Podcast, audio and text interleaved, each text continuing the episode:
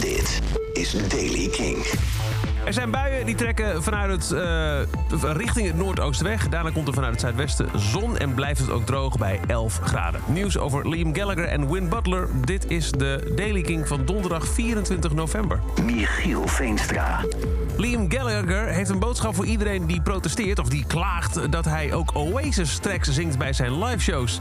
Uh, dat gebeurt toch wel eens dat mensen dat op uh, Twitter bijvoorbeeld gaan roepen. Oh, belachelijk, je hebt toch je eigen solomateriaal.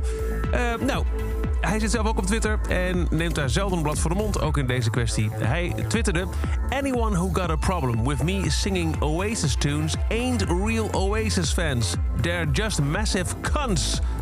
Om daar aan toe te voegen: Oasis till I die. Win Butler, de frontman van Arcade Fire, is opnieuw beschuldigd van seksueel wangedrag. Een vijfde vrouw heeft zich aangesloten bij de eerdere aanklachten. Zij uh, heeft onder het pseudoniem Sabina met Pitchfork haar verhaal gedeeld. En vertelde dat zij drie jaar lang een seksuele relatie had met Win Butler. Zij was toen 22 jaar oud, hij 35, gebeurde in 2015. Uh, ze had toen een vriend, maar dat kon Butler weinig schelen. Hij vroeg me bijvoorbeeld, en, heb je het al uitgemaakt? Uh, ze kregen een affaire, maar uiteindelijk besloot zij de relatie te verbreken... want ze voelde zich niet goed over de giftige en ongezonde relatie.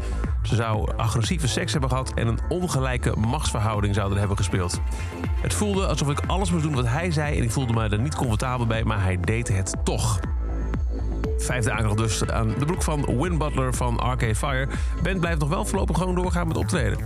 Tot zover deze editie van The Daily Kink. Elke dag een paar minuten bij met het laatste muzieknieuws en nieuwe releases. Niks missen? Abonneer je dan op The Daily Kink in de podcastsectie van de Kink-app. En voor meer muzieknieuws en nieuwe muziek luister je s'avonds vanaf 7 uur naar Kink in Touch.